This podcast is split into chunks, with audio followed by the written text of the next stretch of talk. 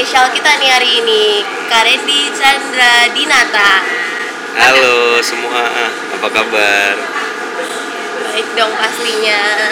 Nah, Karendi silakan mungkin boleh perkenalan lebih dalam lagi nih. Eh, semua teman-teman yang dengerin podcast ini, saya perkenalkan diri. Nama saya Randy Chandra Dinata.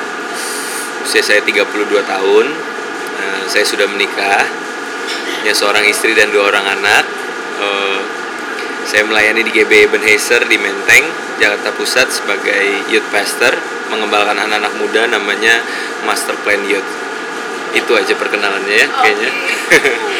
Oke, nah jadi kali ini kita mau bahas tentang persekutuan. Mhm. Dan kan kita udah tahu ya sebagai orang Kristen itu persekutuan itu kayak hal yang mendasar gitu kan Mhm. sebagai ya muda buat apa itu. Hmm. Tapi tuh eh, menurut pengamatan kita kayak sekarang sekarang ini tuh banyak eh, pemuda-pemuda yang bersekutu tuh cuma buat ketemu teman-temannya doang. Hmm. Ya nggak ada pertemuan. Nah, Oke. sebenarnya menurut kalian sendiri persekutuan itu apa?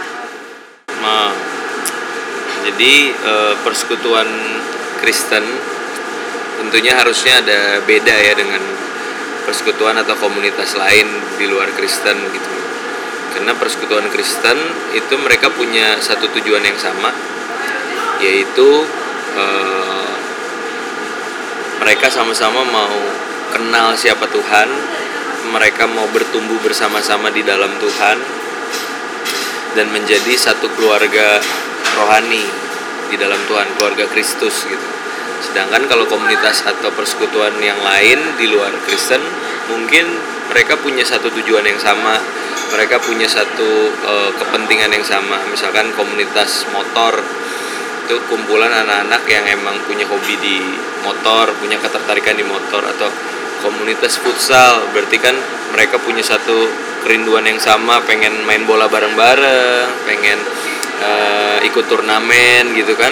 Eh, tapi at least mereka punya satu alasan punya satu eh, ketertarikan yang sama untuk berkumpul gitu. Nah itulah persekutuan atau komunitas. Dan kalau bicara tentang persekutuan Kristen atau komunitas Kristen artinya harusnya yang jadi dasar mereka berkumpul adalah Kristus itu sendiri, Tuhan gitu loh. Bagaimana mereka bisa ketemu Tuhan di sana bareng-bareng, mereka bisa bertumbuh sama-sama.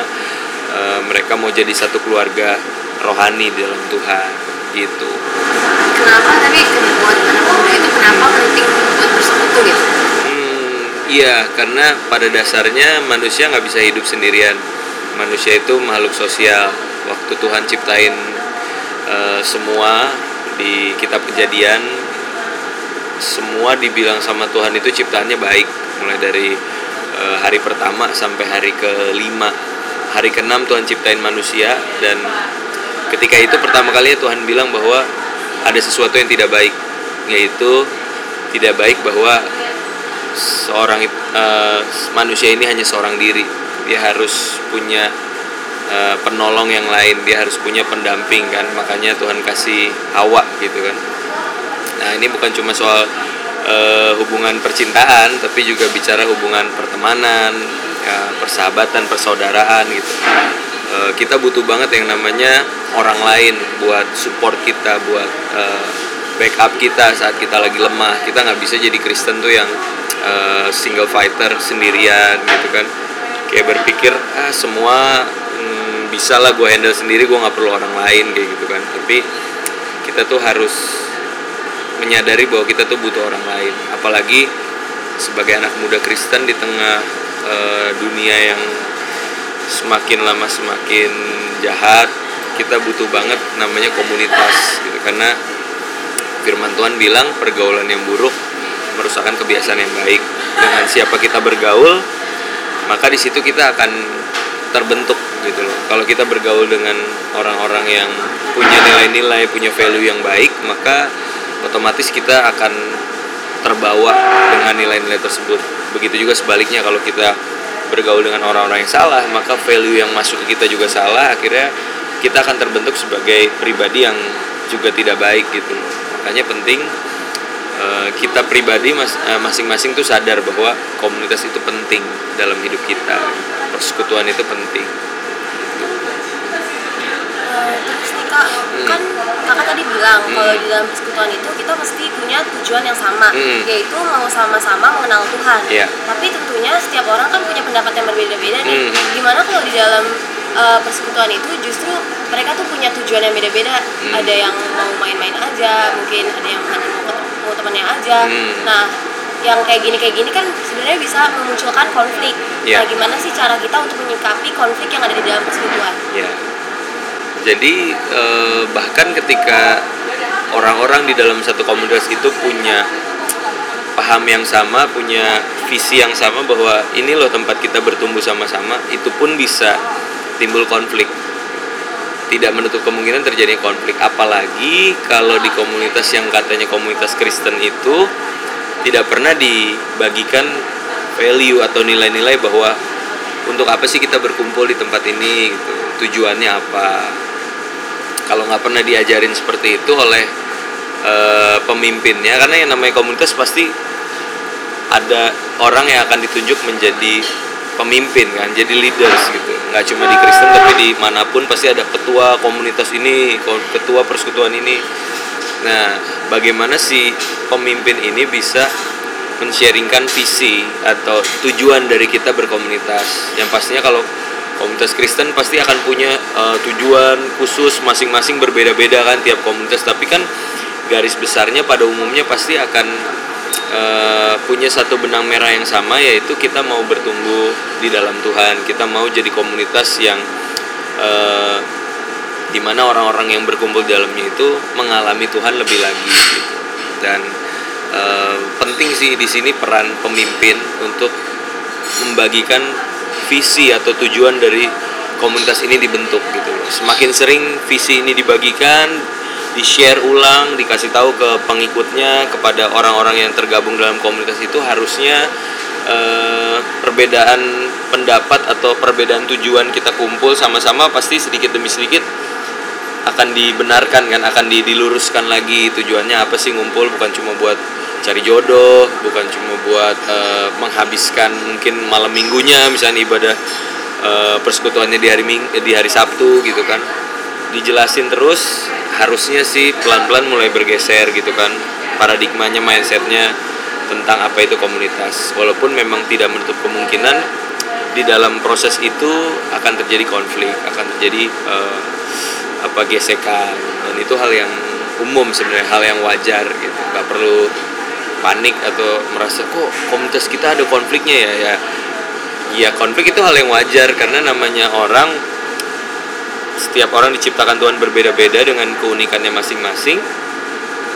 Pemikiran berbeda bahkan orang eh, anak kembar aja pun pasti punya pola pikir yang nggak nggak sama 100% gitu. Itu pun berbeda anak kembar loh apalagi orang yang dilahirkan dari keluarga yang berbeda background pendidikannya berbeda background dari keluarganya juga berbeda pasti akan timbul konflik gitu. Justru yang aneh adalah ketika satu komunitas udah berjalan cukup lama di situ nggak pernah timbul konflik. Nah itu yang aneh. Artinya apa? Artinya satu dengan yang lain mungkin kurang dekat. Kurang dekat. Karena biasa kalau dekat yang terjadi pasti ada gesekan gitu loh. Dan biasanya Tuhan bisa bekerja untuk mendewasakan seseorang itu justru lewat gesekan lewat konflik. Nah di situ mendewasakan orang Jadi itu justru konflik-konflik yang dialami di dalam persekutuan malah yang memperkuat mereka. Harusnya sih seperti itu. Makanya penting eh, respon dari eh, orang-orang yang terlibat di dalamnya. Eh, kalau orang nggak terbiasa menghadapi konflik maka yang terjadi adalah dia akan merespon secara negatif. Di dalam komunitas misalnya terjadi konflik dia akan bilang eh, kok gitu sih? Emang kok orang nggak bisa ngertiin aku sih? Misalnya gitu. Terus dia akan berpikir emang gereja cuma di sini aja? Emang komunitas di sini aja? Nah, emang lu pikir gue nggak bisa cari komunitas yang lain? Kayak gitu kan. Padahal eh, kalau responnya benar bisa jadi lewat masalah itu pihak-pihak yang berkonflik itu akan bertumbuh secara rohani. Mereka akan naik level gitu kan kedewasaan rohaninya. Cuma kalau responnya adalah negatif dia berpikir ah ya udahlah gue menghindari aja gue pergi aja di situ kita kehilangan momentum untuk bertumbuh justru. Itu mungkin secara daging kita nyaman. Gue nggak perlu ketemu dia lagi gue nggak perlu ketemu masalah itu lagi gue pergi. Tapi secara roh kita kehilangan momentum untuk bertumbuh. Gitu loh. Jadi ya penting sih untuk uh, kita punya respon yang benar saat kita menghadapi yang namanya konflik kayak gitu. Uh, tadi kan bapak bilang juga hmm. kayak uh, masalah juga nih kalau misalnya malah nggak ada konflik gitu hmm. karena kurang dekat yeah. atau kalau misalnya gimana caranya mengatasi kalau misalnya nih di ini tuh hmm. kok sebenarnya sih deket-deket aja uh. mungkin ada konflik ada konflik tapi yeah. itu kayak kondisinya tuh stagnan gitu kayak uh, walaupun ada konflik tapi kayak misalnya oh aku gini-gini aja ya kayak hmm. ada pertumbuhan rohani atau hmm. gimana tuh kayak gimana hmm, mungkin kalau di dalam komunitas Kristen ya uh, ada nilai-nilai yang mungkin kurang dihidupi nilai-nilai kekristenan dalam arti kalau kita misalnya di dalam satu komunitas Kristen di dalam satu komunitas anak muda yang isinya anak-anak uh, anak-anak Tuhan gitu ya kita kan ditantang untuk uh, hidup kudus ya kan? Itu kan satu perintah Tuhan untuk kita hidup kudus untuk kita menyangkal diri memikul salib ya kan? Itu kan termasuk di dalam bagaimana kita uh, berkomunitas bagaimana kita berinteraksi. Eh, belum lagi kalau bicara tentang amanat agung pergi jadikan semua bangsa muridku. Artinya uh, perintah-perintah Tuhan Yesus itu harusnya membawa seseorang itu keluar dari comfort zone-nya gitu loh. Keluar dari kenyamanannya dan nggak akan bisa stagnan sih kalau kita mulai cari tahu apa sih kehendak Tuhan dalam masa muda kita dan apa sih kehendak Tuhan buat komunitas kita minimal kita akan selalu bergerak gitu loh untuk menjangkau jiwa atau membuat membangun sebuah kelas pemuritan atau uh, satu culture di mana kita bisa berbagi hidup sharing satu dengan yang lain dan uh, tentunya nggak nyaman ya. Tentunya ya misalkan kayak Sabtu gini ya malam minggu. Anak muda enaknya ngapain sih nongkrong. Atau misalkan ya Senin sampai Jumat udah kerja nih capek. Sabtu ya leha-leha di rumah nyantai-nyantai. Paling malamnya uh, yang punya pacar mereka pacaran. Atau yang jomblo ya merenungi nasib aja. Uh, tapi kan kalau mereka berpikir malam minggu gue gue pengen ke gereja gue pengen fellowship gue pengen ibadah bersekutu itu kan sebenarnya kurang nyaman buat hidup ya nggak sih? Pengennya nyantai-nyantai aja. Uh, hidup-hidup gue suka-suka gue gitu kan. Kalau mulai aktif dalam persekutuan bahkan udah terlibat dalam pelayanan artinya kan ada waktu kita yang tersita kan. Ada kenyamanan kita yang terambil dari situ. Nah justru dari situ kita mulai melihat nih bahwa oh kalau gue gue ambil keputusan untuk terlibat di sini artinya gue akan sedikit banyak keluar dari comfort zone gue gitu ketika gue keluar dari comfort zone dan gue mulai menghidupi ini artinya nggak mungkin stagnan. Pasti akan ada yang namanya pertumbuhan walaupun progresnya mungkin nggak langsung signifikan pelan-pelan gitu tapi uh, worth it kok gitu. Itu sangat sangat layak untuk dicoba untuk diperjuangkan gitu loh. Ya kita kumpul ketemu kayak gini ya kan? Apa sih gitu yang dicari mereka mau bikin komsel perempuan nanti anak-anak itu apa sih yang dicari gitu. Tapi kita percaya aja bahwa di pertumbuhan itu nggak pernah menghasilkan kenyamanan gitu. Di dalam kenyamanan tidak akan pernah menghasilkan pertumbuhan. Nah, jadi eh, tantangan buat kita adalah berani untuk melangkah keluar dari kenyamanan kita sehingga nggak ada tempat buat stagnansi. Yang ada pasti ada progres gitu loh. Pasti ada pertumbuhan walaupun perlahan ya uh, tapi pasti pasti ada pertumbuhan kayak gitu sih tapi kan misalnya kayak hmm. banyak nih sekarang uh, misalnya ada muda hmm. kelompok yang ini nyoba hmm. terus kayaknya kok gue gini gini aja ya hmm. terus dia ganti kelompok baru gitu misalnya okay. kayaknya ganti gereja lah uh -huh. ganti persekutuan baru nah yeah. itu sebenarnya boleh gitu ya boleh nggak sih kayak uh, gitu ya kalau menurut aku sih uh, sebagai pemimpin ya pemimpin rohani aku harus belajar untuk uh, melihat bahwa setiap manusia atau jiwa-jiwa yang ada ini adalah miliknya Tuhan bukan miliknya komunitas tertentu, bukan miliknya gereja tertentu. Mereka bukan domba-dombanya gereja, tapi mereka domba-dombanya Tuhan. Dan adalah satu sukacita yang besar buat setiap pemimpin ketika melihat ada ada domba-domba yang bertumbuh kerohaniannya, yang bertobat dan mengalami perjumpaan dengan Tuhan. Baik itu di dalam komunitasku maupun di luar komunitasku. Jadi aku aku pertama belajar uh, secure dulu. Aku belajar merasa aman dulu dengan keberadaanku dengan keberadaan komunitasku. Artinya aku merasa dan aku melihat kok di dalam komunitasku pun ada orang-orang yang bertumbuh dan mengalami perjumpaan dengan Tuhan gitu loh itu aku saksikan. Dan aku merasa puas dengan apa yang aku kerjakan aku merasa nyaman merasa aman dengan keberadaan komunitasku. Sehingga ketika ada orang ketika ada orang uh, yang merasa nggak bertumbuh di komunitasku dan mereka dan mungkin berpikir uh, eh, gue pengen cari komunitas yang lain gitu. Aku dengan rendah hati akan bilang ya monggo silakan. Kalau kamu merasa nggak bertumbuh di sini kita akan doakan dan kita akan justru bahasanya utus. Kita akan utus kamu ke komunitas yang baru. Aku mungkin bisa ketemu sama orang uh, pemimpin di sana dan aku bilang um, orang ini mau pindah atau mau bertumbuh di tempat kamu. Dan dia berasal dari sini. Aku dengan rela akan mengutus dia. Dan itu kan artinya ada satu hubungan yang terbangun antara aku dengan yang uh, dengan pemimpin di komunitas lain dan mulai apa ya meminimalisir segala bentuk kecurigaan yang bisa timbul. Wah lu nyolong domba gua lu atau eh, kalimat-kalimat uh, seperti itu kan. Justru dengan kita bangun budaya yang seperti ini aku sih berharap makin banyak gereja atau komunitas Kristen yang uh, berpikiran terbuka ya. Maksudnya selama dia bertumbuh selama dia bisa menjadi pribadi yang lebih baik lagi di tempat lain kita bersuka cita atas itu gitu.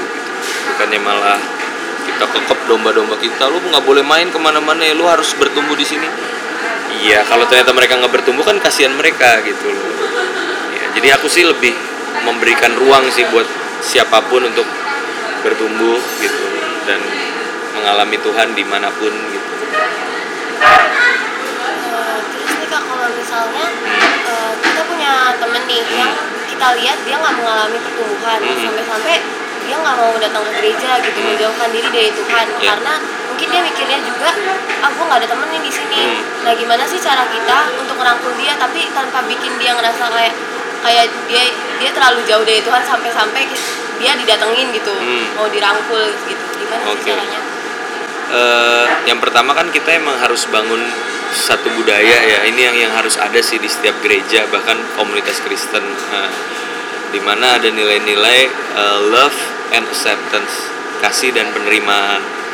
Nah ini yang sering kali sudah berganti dengan uh, penghakiman ya kan dan penolakan yang terjadi gitu. Bukan kasih tapi malah penghakiman. E, kita harus menyadari bahwa pelayanan anak muda ini bukan pelayanan yang simple artinya bisa loh orang yang udah cukup lama kita lihat bertumbuh di gereja kita tapi kok ternyata dia mengalami satu masalah yang membuat dia malah mundur dari Tuhan uh, atau bahkan meninggalkan gereja gitu. Nah di sini kita mesti uh, punya yang namanya love and acceptance tadi jadi kita bisa menerima keberadaan dia kita bisa hadir kembali di hidupnya. Uh, walaupun kita juga harus bisa menempatkan diri. Jangan sampai kita kesannya maksa dia kesannya mengintimidasi dia. Tapi ada momen di mana memang orang itu nggak bisa tanda kutip dikotbain nggak bisa di di apa ya dikasih tahu secara pengajaran gitu ke dia. Ada waktunya di mana orang tersebut lebih membutuhkan kehadiran kita di hidupnya. Kita bisa jadi sahabat yang baik kita bisa jadi orang yang mungkin ketika dia kena masalah itu mostly kebanyakan orang akan pergi menjauhi dia tapi kok kita bisa hadir di hidupnya kita bisa berbagi kasih kita kepedulian kita dalam hidupnya. Dan uh, ketika suatu hari dia menyadari bahwa kok orang ini beda ya kok kakak ini mau peduli sama aku dan uh, mungkin dia kena masalah lagi atau dia kena uh, sesuatu dalam hidupnya dan ada momen di mana kita bisa masuk kembali kita bisa ngajak dia lagi untuk dekat sama Tuhan ya sebenarnya kita mesti tunggu momen itu gitu. Nah tapi sering kali kan kita pengennya apa? Lu cepet ke sini lagi balik lagi gitu kan. Cuma ya nggak semudah itu kan untuk menarik orang kembali kepada Tuhan gitu. Ada kairosnya Tuhan gitu. Ada waktunya Tuhan nah ini yang mesti kita sabar untuk terus tabur kebaikan terus Eh, berikan keteladanan untuk selalu hadir di hidupnya. Sampai satu momen di mana Tuhan sendiri yang jamah hatinya Tuhan sendiri yang uh, tempatkan waktu atau kairosnya dia di dalam hidup orang tersebut. Dan kita ketika dia mengalami momentum itu kita hadir di hidupnya dan kita bisa tarik dia untuk dekat sama Tuhan lagi gitu jadi emang nggak semudah itu makanya perlu kesabaran gitu untuk melayani anak-anak muda kayak gitu tapi kalau misalnya uh. itu kan misalnya kita dari sisi apa ya yang aktif gitu hmm. kayak di misalnya pengurus persekutuan gitu yeah, yeah. Hmm. kalau misalnya kita sebagai kayak yang datang gitu hmm. kan biasanya kadang-kadang emang susah gitu kan membuka yeah. diri ke orang hmm. kayak apa yang harus kayak apa yang harus uh, dari si uh, ibaratnya ininya ya menti uh, menti ya anak yang dimentor ya, anak yang baru datang kayak gitu. Uh, yang namanya pemuritan atau pementoran itu nggak pernah bisa cuma dari satu pihak. Harus ada respon dari kedua belah pihak baik yang mementor maupun yang dimentor. Sehebat apa pun seorang mentor kalau si anak mentornya itu nggak membuka diri nggak membuka hati sia-sia nggak bisa gitu ya jadi e, balik lagi dari orang yang datang ke satu komunitas dia harus belajar membuka dirinya. Dia harus belajar beradaptasi juga dengan lingkungan barunya. Memang sih pastikan dari pihak e, gereja pun anak-anak komunitas itu kan pasti berusaha sebisa mungkin untuk e, menghadirkan suasana yang homey buat dia suasana rumah suasana yang nyaman buat orang tersebut. Tapi balik lagi orang tersebut mau nggak bertumbuh? Mau nggak membuka diri memutuskan untuk gue pengen dong bertumbuh di komunitas ini gue pengen dong dimuridkan di sini gue pengen dong melayani di sini. Dari diri sendiri juga harus ada komitmen untuk bertumbuh gitu loh. Jadi ketika ada dua dua belah pihak yang saling terbuka saling uh, mau untuk memuridkan dan juga dimuridkan di situ pasti akan ada pertumbuhan ya pasti akan ada pekerjaan Tuhan yang dahsyat ketika dua belah pihak itu membuka diri untuk uh, dimuridkan dan berubah di situ. Kalau misalnya nih kan hmm. kayak dalam Tuhan tuh apa ya kan pasti emang ada teman-teman ada hmm. gitu. Iya iya. iya. Nah itu kalau misalnya ada kayak hubungannya tuh toksik gitu loh. ah. Gimana?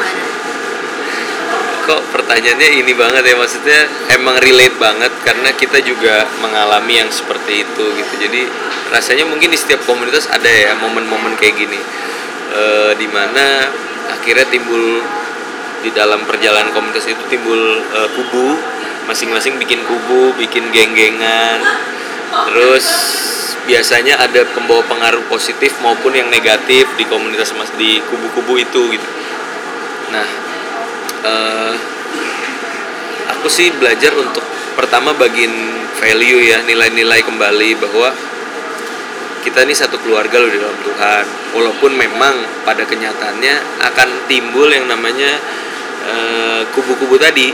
Ya kita nggak bisa pungkiri lah ya namanya manusia pasti kan klop-klopan nyambung-nyambungan. Oh gue kalau ngobrol sama Andrea lebih connect kalau sama Putri kayaknya agak susah ya bu mulai ngobrolnya dari mana. Dan itu suatu hal yang alamiah gitu. Tapi bukan berarti apa ketika aku sama misalnya sama Andrea lebih nyambung terus kita jadi kayak merasa jangan-jangan ini ada Putri nih jangan deket-deket sama dia gitu.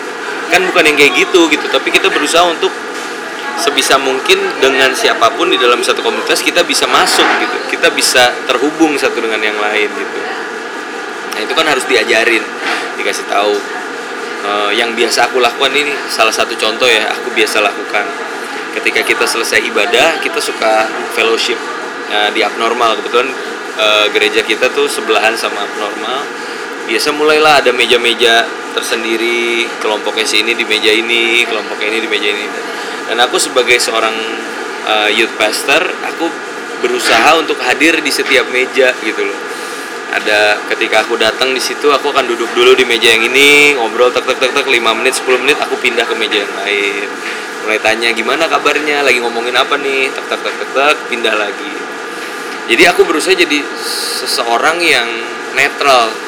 Aku bisa masuk ke setiap komunitas yang ada gitu. Dan dimulai dari keteladanan itu aku berharap orang-orang yang di situ merasa kayak kok Karendi bisa hadir di mana-mana dan kok bisa masuk ya ke semua uh, geng-gengan yang terbentuk itu kan? Dan aku berharap mereka juga mulai mencari oh iya ya kita nggak boleh dong eksklusif kayak gini. Kita harus mulai berbaur. Kita harus mulai bisa uh, membangun uh, culture budaya di mana kita ini satu keluarga loh di dalam Tuhan kayak gitu. Dan kalau misalkan ternyata pada akhirnya timbul geng-gengan tadi dan ada yang toxic tadi yang membawa pengaruh yang negatif ya sebagai seorang pemimpin kita harus bisa untuk menegur orang tersebut gitu loh. Kita harus bisa memberikan arahan nasihat bahkan teguran kepada orang tersebut. Tapi sebelum kita masuk ke teguran maupun nasihat pastikan bahwa orang yang akan kita tegur ini merasakan bahwa kita tuh mengasihi orang tersebut. Kita tuh peduli sama dia. Kita negur kita tanda kutip marahin dia, ngomelin dia itu bukan mau menjatuhkan dia, bukan mau menghakimi dia, tapi ini bentuk kasih kita kepedulian kita. Eh, misalkan seorang yang toksik ini biasanya yang toksik ini didengerin sama teman-temannya, dia bawa pengaruh, cuma sayangnya pengaruh yang negatif gitu kan. Lu tuh pemimpin lo, lu tuh bisa bawa influence lo ke orang-orang di sekitar lu, tapi kok malah jatuhnya influence yang negatif. Berarti ada yang salah nih harus diubah harus diperbarui kayak gitu kan nah, mulai nasehatin mulai kasih teguran karena seorang pemimpin kalau nggak bisa negur nggak bisa tanda kutip marahin orang jangan jadi pemimpin. Ya karena kalau kita belajar di Alkitab banyak kegagalan-kegagalan dari e, penerus generasi penerus. Itu kenapa? Karena generasi di atasnya nggak berani untuk menegur secara keras gitu. Kayak ada namanya Hofni dan Pinehas anak dari Imam Eli. Uh, Imam Eli dan orang Israel saat itu udah ngelihat bahwa ini anak-anak nggak benar nih. Mereka berbuat sesuatu yang salah tapi Imam Eli nggak berani negur secara terang-terangan. Imam Eli lebih kayak kalian kenapa sih kayak gitu? Berubah dong please. Udah gitu doang. Ya jadi nggak nggak ada yang namanya teguran disiplin. Nah jadi di dalam komunitas pun sama pemimpin punya fungsi. Bukan karena dia baper bukan karena dia sensi sama orang ini tapi karena dia tahu ini sesuatu yang salah dan harus diperbaiki. Tapi tadi saya bilang di awal bahwa kasih dan kepedulian itu harus bisa dirasain dulu sama orang tersebut baru kita masuk ke tegurannya. Kalau nggak ada kasih dan kepedulian dia akan bilang lu siapa sih? Negur-negur gua ya kan? Lu bokap nyokap gua juga bukan ngapain ngurusin gua? Gitu kan. Kita harus hadir dulu sebagai kakak sebagai mentor yang kasih kita bisa dirasa sama dia baru kita bisa masuk ke dalam nasihat dan teguran kayak gitu ya kita punya temen nih temen baru masuk ke dalam persekutuan kita hmm. dan kebetulan dia beda agama nih sama kita oke okay. beda agama tapi dia udah nyaman di persekutuan kita okay. terus tapi dia nggak dibolehin sama orang tuanya hmm. nah sebagai teman persekutuan itu sebenarnya kita boleh nggak sih ikut campur ke masalah dia in case itu kan permasalahannya dia sama orang tuanya itu orang tua dia kan yeah. apakah kita boleh ikut campur sama permasalahannya dia itu hmm. atau hanya mendukung dari belakang uh, di satu sisi orang ini emang udah tertarik ya, sama Tuhan ya. uh, jadi memang ada kasus-kasus seperti ini di mana uh, seorang yang belum percaya Tuhan tapi dia pengen percaya Tuhan akhirnya ada faktor keluarga yang menghalangi dia. Nah di sini kita pun harus bijak kita pun harus berhikmat kita nggak bisa yang namanya kayak udah lu kabur aja dari rumah udah lu tinggalin aja orang tua. Emang lu mau biayain hidupnya gitu lu mau tanggung jawab kalau dia diusir dan dia nggak punya tempat tinggal gitu kan. Kan kita juga belum tentu dong bisa menyediakan kalau dia berani meninggalkan rumahnya. Ya kita harus berhikmat bahwa kamu belajar kamu bangun hubungan pribadimu sama Tuhan sampai suatu waktu di mana kamu merasa ini waktu yang tepat untuk uh, utarakan itu ke orang tuanya untuk utarakan itu ke orang tuamu untuk bilang bahwa uh, aku percaya sama Tuhan Yesus. Dan itu kan butuh keberanian itu butuh kesiapan. Kita nggak bisa serta merta bilang udah lu kan percayalah Tuhan pasti tolong. Terus dia ngomong terus diusir disiksa dianiaya terus kita ya nggak ikutan lagi dah udah deh itu urusan kan nggak bisa gitu juga gitu. Kita harus lihat dari segala macam sisi atau bahkan ya kalau perlu uh, sampai dikatakan dia punya dia udah cukup dewasa untuk uh, dia bertanggung jawab atas dirinya sendiri gitu. Sampai momen itu misalkan dia masih SMA atau bahkan masih kuliah masih butuh dia biayain sama orang tua ya dia harus tunduk di bawah uh, penguasaan dari uh, pembinaan dari orang tuanya itu. Dan kita nggak bisa yang namanya maksa dia. Kecuali itu lahir dari uh, kemauan dia sendiri dia ngomong gitu ya kita sebagai keluarga di dalam Tuhan ya bagaimana caranya membackup dia mensupport dia gitu kan. Tapi kalau dia merasa belum siap ya kita jangan maksain. Sampai satu waktu di mana dia udah mungkin udah bisa bekerja dia bisa menghidupi dirinya sendiri dan dia dia ada di satu keputusan di mana gue gue akan declare ini ke orang tua gue oke? Okay? kita dukung sangat seperti itu. Dan ternyata orang tuanya worst case nya bilang kamu bukan anak saya lagi pindah rumah ya dia siap. Ngekos kah? Atau ngontrak kah? Di mana? Gitu kan. Kita tentunya akan support dengan usaha sebisa kita gitu. Tapi sebelum sampai momen itu lebih baik kita berhikmat untuk tahan dulu ya kan tanemin dulu nilai-nilai lebih lagi supaya dia kuat ketika menghadapi tantangan di dalam uh, iman keputusan dia untuk beriman kepada Tuhan kayak gitu. Kan kayak uh, sekarang kan biasanya kita suka ada yang kayak gerejanya tuh kayak icip-icip gitu kan. Icip-icip. Nah, kayak ini cobain ah, Ah. bicara cobain. Iya. Nah, terus kayak sekarang juga banyak kan yang kayak uh, ke gereja tuh ibaratnya kayak online aja gitu kayak cuma Ah. karena kalau kayak gitu kebutuhan persekutuannya itu. Akan dapat apa enggak? Atau bisa aja dia dapat tapi dari mana gitu? Em, fenomena gereja jalan-jalan ya itu icip-icip itu memang nggak bisa dihindari. Makanya aku juga ngomong sama anak-anak aku kamu harus tahu di mana rumahmu. Aku nggak pernah ngelarang orang untuk eh, datang ke gereja A gereja B sekedar bertamu silakan go ahead gitu kan. Selama aku tahu pengajarannya benar aku kenal siapa gembalanya aku tahu apa yang dia bagikan diajarkan silakan. Tapi kamu harus tahu rumahmu di mana. Kamu nggak bisa jadi gelandangan rohani. Ya gelandangan itu kan nggak punya rumah dia pergi ke sini nyemplok sana nyemplok sini gitu. Kamu harus punya rumah gitu eh, nilai-nilai itu yang mesti ditanemin kebanggaan atau kecintaan akan komunitas yang kita bangun gitu, yang kita punyai. Emang nggak ada komunitas yang sempurna pasti ada aja kurangnya. Tapi this is your home this is your family di mana kamu bertumbuh. Kita kan nggak bisa ya misalkan lahir dari satu keluarga terus kita ngerasa kayak kok orang tua gue gini amat sih? Udahlah gue hapus nama gue dari kartu keluarga gue cari keluarga lain nggak bisa. Begitupun dengan gereja di mana kita bertumbuh kita harus tanamkan nilai-nilai itu. Komitmen untuk tertanam komitmen untuk mengasihi eh, rumah tempat di mana kita bertumbuh gitu. Dan eh, aku percaya sih kalau orang-orang punya udah ditanemin nilai-nilai itu kecintaan akan komunitas kebanggaan akan komunitas tanpa merendahkan komunitas yang lain Eh, aku percaya walaupun ke mana pun dia pergi ke mana pun dia tanda kutip jalan-jalan tadi atau bertamu ke gereja mana dia akan selalu ingat bahwa mungkin gereja itu kelihatannya keren tapi gue gue punya keluarga gue sendiri gitu loh. Dan kalau kita mindset kita selalu bilang bahwa pasti gereja sebelah itu lebih sempurna daripada gereja gue gitu kan. Ya kan rumput tetangga selalu lebih hijau gitu kan sampai akhirnya kita berpikir ah udahlah gereja gue nggak sempurna gue pindah ke gereja lain. Kayaknya gereja itu sempurna ketika lu yang nggak sempurna pindah ke gereja yang sempurna itu gereja yang tadinya sempurna gara-gara ada lu jadi nggak sempurna tuh. Iya nggak? Iya jadi ya udahlah stop berpikir bahwa gereja orang itu lebih baik lebih hijau daripada rumput gua gitu kan enggak lah semua pasti punya kelebihan dan kekurangannya gitu. Cuma masalahnya lu mau bertumbuh nggak?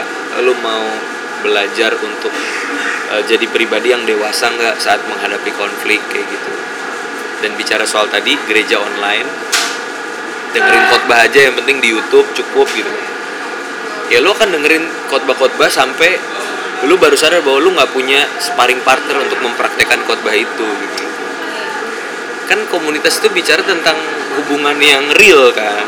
Nggak bisa cuma lewat grup WhatsApp nggak bisa cuma lewat eh, online pertemuan secara online tapi emang harus ya bersentuhan seperti ini ketemu say hi bisa nepok pundaknya ya kan? Bisa noyor kepalanya bercanda dan sebagainya gitu kan? Jadi kekristenan yang real ya kekristenan yang eh, ada pertemuan secara langsung. Nggak bisa cuma sekedar online kayak gitu. Ntar lu masuk surga surga online lagi kan repot. Lu di neraka surganya gitu. Ada juga yang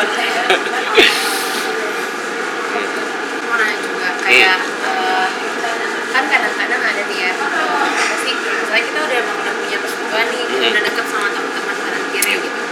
Terus kadang-kadang tuh ada yang misahin kan kayak misalnya di gereja udah gue kudus nih hidupnya. Oh. eh, gimana tapi ntar kalau keluar kita misalnya hangout bareng misalnya Oh. ngomong apa apa Ah, langsung berubah gitu berarti ya ngomong Hmm. kasarnya keluar atau Oke. gimana ngomongin orang gimana bahkan Iya. sampai orang tua ngomong "E, ngapain sih ngapain sih datang ke sini sini e, da- ngapain datang ke gereja terus tapi lakuan di rumah tuh kayak gini Oh. nah yang kayak gitu kayak gitu tuh ya itu dia bahwa sering kali kita lupa hmm,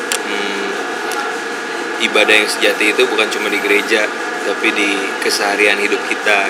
Kita sering kali lupa kita pikir saat kita selesai eh, lagu penutup doa berkat itu artinya ibadah selesai. Padahal ibadah itu belum selesai justru ibadah yang sejati itu baru dimulai.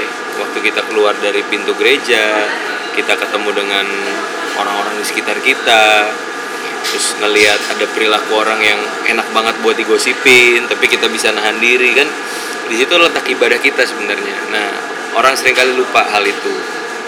Jadi kita perlu mengingatkan diri kita sendiri bahwa di mana pun kita berada itu loh ibadah kita itu loh pelayanan kita gitu. Tapi kalau misalkan ada orang yang mungkin bilang kayak "Eh, lu katanya Kristen Kristen tapi kok kelakuan lu kayak gitu? Percuma lu ibadah percuma lu pelayanan. Selama kita udah lakukan yang terbaik sebisa kita eh, terus tapi di di pandangan orang lain kita belum sempurna kita masih banyak salah kita masih banyak kekurangan. Itu jangan dijadikan eh, sesuatu yang bikin kita putus asa atau nyerah kayak ah, ya udahlah emang gue nggak perlu ke gereja kali gue emang udah begini gitu. Orang udah ke gereja aja udah ibadah aja udah pelayanan aja kelakuannya masih kayak gitu. Apalagi kalau nggak ibadah dan pelayanan ya sih kita kita ubah mindset kita deh. Jangan sampai omongan orang eh, membuat kita ngedown dan akhirnya kita ya udahlah gue gini gue emang orang kayak gini gue nggak bisa berubah. Tuh, jadi eh, kita harus hargai pertumbuhan rohani pertumbuhan iman orang lain pun diri kita sendiri. Jangan kita merasa minder terus kayak merasa eh, putus asa tapi kita anggap aja orang itu belum ngerti gitu loh bahwa setiap orang butuh proses setiap orang nggak ada yang sempurna.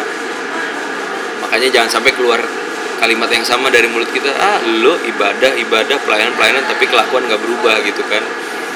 Justru karena kita menyadari bahwa emang gue berdosa sih emang gue banyak salah sih makanya gue ibadah makanya gue pelayanan biar jadi benar gitu kan. Kan nih, yang pelayanan dan yang ibadah nggak semuanya udah benar bisa jadi dia orang yang yang masih berobat jalan dan kita pun sampai hari ini juga berobat jalan kan?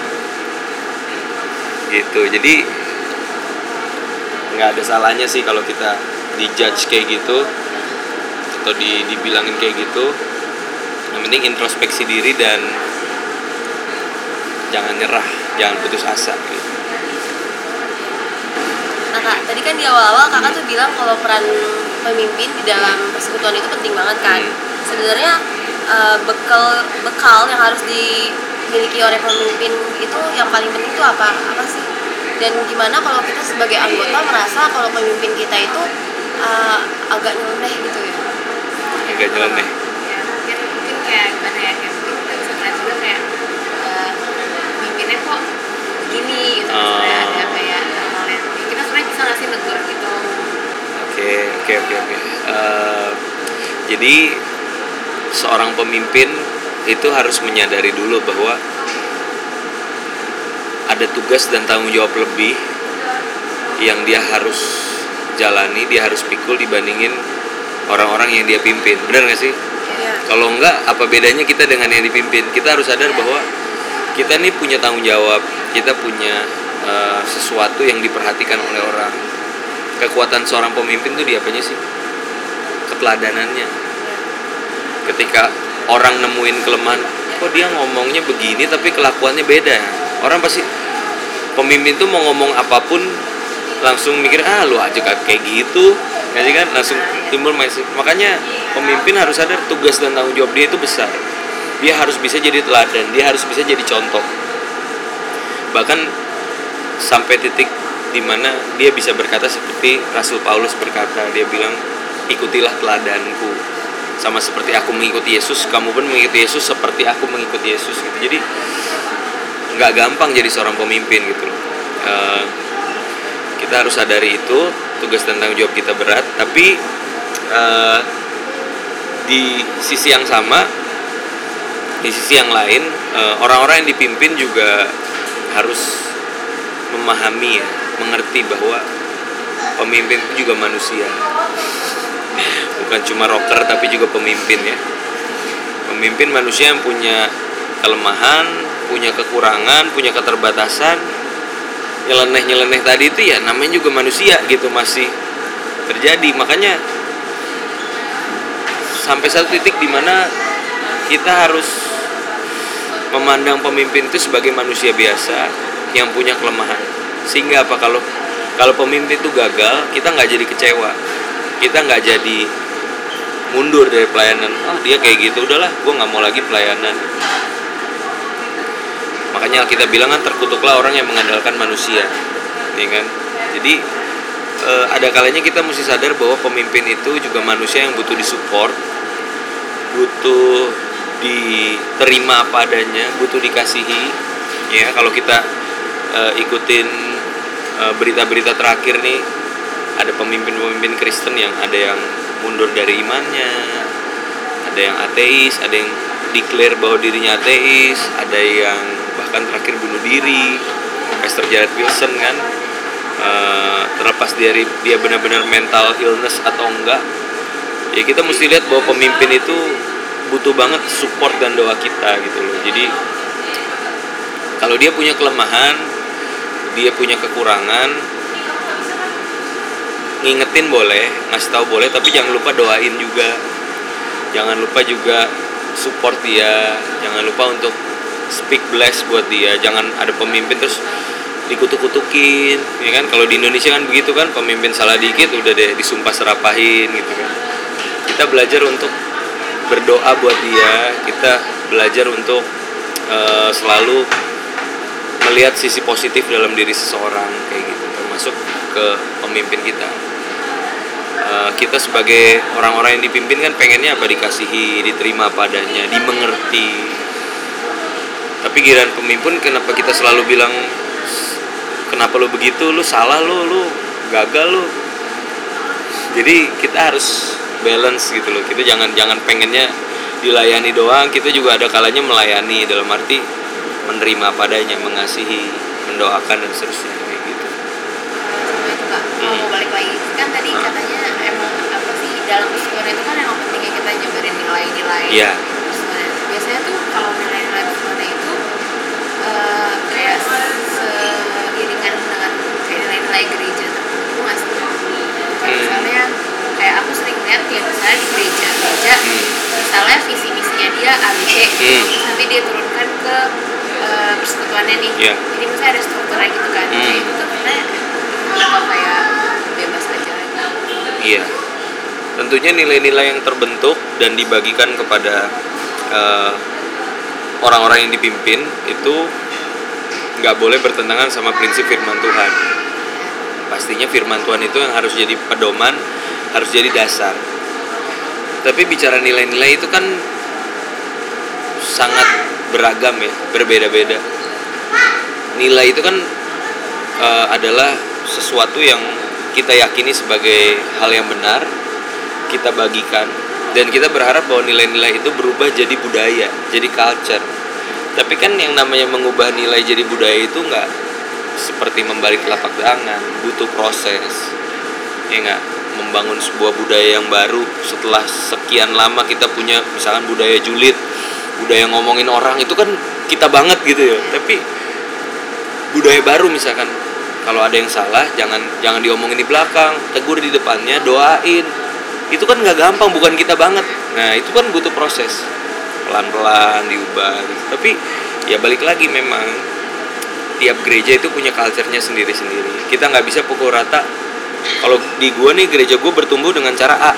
Berarti gereja lu juga harusnya bertumbuh dengan cara A. Belum tentu karena warna tiap gereja tuh beda beda makanya kita mesti temukan itu ke otentikan dari gereja kita masing-masing. Warna gereja kita apa sih? Dan kita boleh belajar dari orang lain kita belajar dari gereja lain. Apa sih yang lagi eh, lagi update ya kan? Cara-cara seperti apa? Kita perlu untuk belajar tapi balik lagi nggak semua bisa kita terapin. Kita harus bisa pilih-pilih juga mana yang cocok mana yang nggak cocok gitu kan. Nah, balik lagi eh, aku percaya tiap gereja punya culture-nya masing-masing. Selama itu based on the word of God selama itu basicnya basicnya adalah firman Tuhan it's okay gitu. Tapi balik lagi jangan pernah maksain gereja kita sama harus sama sama gereja lain gitu. Kita harus bangga jadi diri kita sendiri kan. Nggak perlu jadi orang lain. Nggak perlu jadi gereja sebelah gitu. ini pertanyaan terakhir kak oke Eh, gimana caranya sebagai sebuah persekutuan itu kayak memberikan dampak gitu loh buat orang-orang sekitarnya Hmm. ya kayak menjalani eh, apa ya menjalani amanat agung sih sebenarnya Hmm. gimana cara kita itu baik ke orang maksudnya kan sulit gitu Iya, iya. Kayak gitu gimana caranya Eh, jadi kita harus punya fokus yang benar dulu bahwa sebagai orang orang Kristen anak Tuhan fokusnya itu bukan bagaimana caranya berdampak tapi lebih ke bagaimana caranya aku melekat sama Tuhan. Ya karena di dalam kita melekat sama Tuhan di dalam kita punya keintiman sama Tuhan justru di situ nanti eh, buah-buah atau dampak yang kita hasilkan itu adalah buah-buah yang eh, alamiah yang natural mengalir dari hidup kita bukan buah-buah pencitraan karena Yesus pernah bilang bahwa di luar aku kamu nggak bisa berbuat apa-apa. Ya kan? Akulah pokok anggur yang benar kamulah ranting-rantingnya. Kalau engkau melekat kepadaku tinggal dalam aku engkau berbuah banyak. Tapi di luar aku engkau tidak bisa berbuat apa-apa. Nah kita pengen melekat eh, kita pengen berdampak kita pengen berbuah tapi nggak mau melekat. Akhirnya yang terjadi adalah buah-buah pencitraan tadi. Nah makanya fokuslah bagaimana kita melekat sama Tuhan. Bagaimana kita punya keintiman dengan Tuhan lewat uh, saat teduh kita baca Alkitab kita berdoa dengan kualitas yang baik maka uh, untuk berdampak itu sesuatu yang otomatis ya sesuatu yang mengalir. Dan bagaimana di tengah komunitas kita bisa berdampak? Tentunya kita harus budayakan ini bahwa kita harus pribadi lepas pribadi itu melekat sama Tuhan gitu sehingga eh, tiap-tiap orang punya hubungan pribadi dan mereka bisa berdampak dengan cara mereka masing-masing. Dan di dalam komunitas pun kita akan melihat bahwa yang namanya karunia yang namanya eh, pelayanan tiap orang itu berbeda-beda ya. Ada yang karunia eh, dalam pengajaran mungkin ada yang dalam karunianya memimpin kan ada macam-macam rupa-rupa karunia kan. Eh, ketika kita maksimal dalam Tuhan maka karunia-karunia itu kan aktif. Dan ada perbedaan-perbedaan di dalamnya kan. Tapi di situlah letak uh, kedewasaan kita. Bagaimana kita bisa menerima perbedaan-perbedaan yang ada. Bagaimana kita bisa tetap bergandengan tangan uh, memaksimalkan setiap uh, potensi yang ada dalam diri kita walaupun itu berbeda-beda justru jadi saling melengkapi gitu. Jadi perbedaan itu di dalam komunitas kita. Buah-buah yang dihasilkan berbeda-beda tapi uh, bukan sebagai sesuatu yang negatif tapi justru perbedaan itu jadi kekuatan buat kita. Kayak gitu. Oke dari uh, dari podcast kita kali ini kita dapat banyak banget nih pelajaran pelajaran baru. Jadi di dalam persekutuan itu uh, penting banget kalau kita punya tujuan yang sama. Tapi yeah. walaupun ada tujuan yang berbeda, itu jangan membuat kita untuk menjauhkan diri dari persekutuan. Hmm. Justru kita harus menghadapinya bareng-bareng kalau ada gesekan karena konflik-konflik itulah yang membuat persekutuan itu makin bertumbuh ya Kak. Betul. Nah, dan selain itu juga kayak pertumbuhan dalam persekutuan itu juga emang harus didukung dari dua sisi kan. Mm -hmm. hanya dari pemimpin tapi juga dari anggotanya dan intinya adalah memiliki kepada Tuhan dan juga punya tadi ya kasih dan penerimaan. Uh, nah dari kakak ada pesan-pesan lagi nggak buat mungkin pemuda-pemuda yang lagi cari persekutuan atau sedang ada dalam persekutuan sendiri? Oke. Okay. Uh, ya buat setiap teman-teman yang sedang membangun sebuah komunitas, membuat membangun sebuah persekutuan. Uh, itu bukan perkara yang mudah, bukan hal yang mudah. Pasti ada tantangan, pasti ada pergumulan, tapi percayalah bahwa uh, apa yang kita tabur di dalam sebuah komunitas, apa yang kita perjuangkan di situ, bahkan dengan air mata, dengan doa, itu nggak ada yang kembali dengan sia-sia. Suatu hari kita akan tuai, kita akan lihat hasil dari jeripayah kita apa yang kita sedang kerjakan.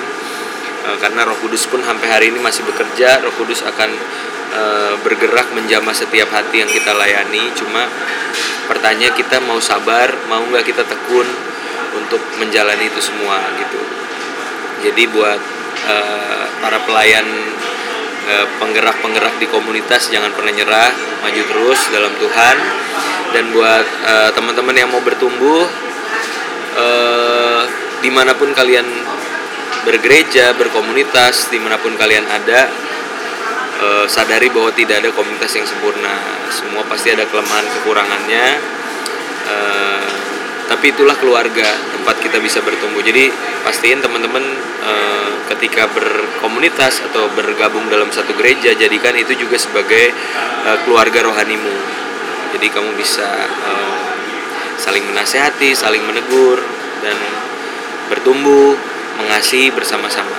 Gitu. Oke, thank you banget nih buat Kak Randy yang mau nyempetin waktunya untuk bincang-bincang bareng kita. Sama-sama senang bisa berbincang-bincang dengan kalian. Dan nggak lupa juga kita mau berterima kasih buat teman-teman yang udah ngedengerin kita sampai saat ini. Dan jangan lupa untuk kalian uh, tunggu episode bincang tamu kita yang selanjutnya.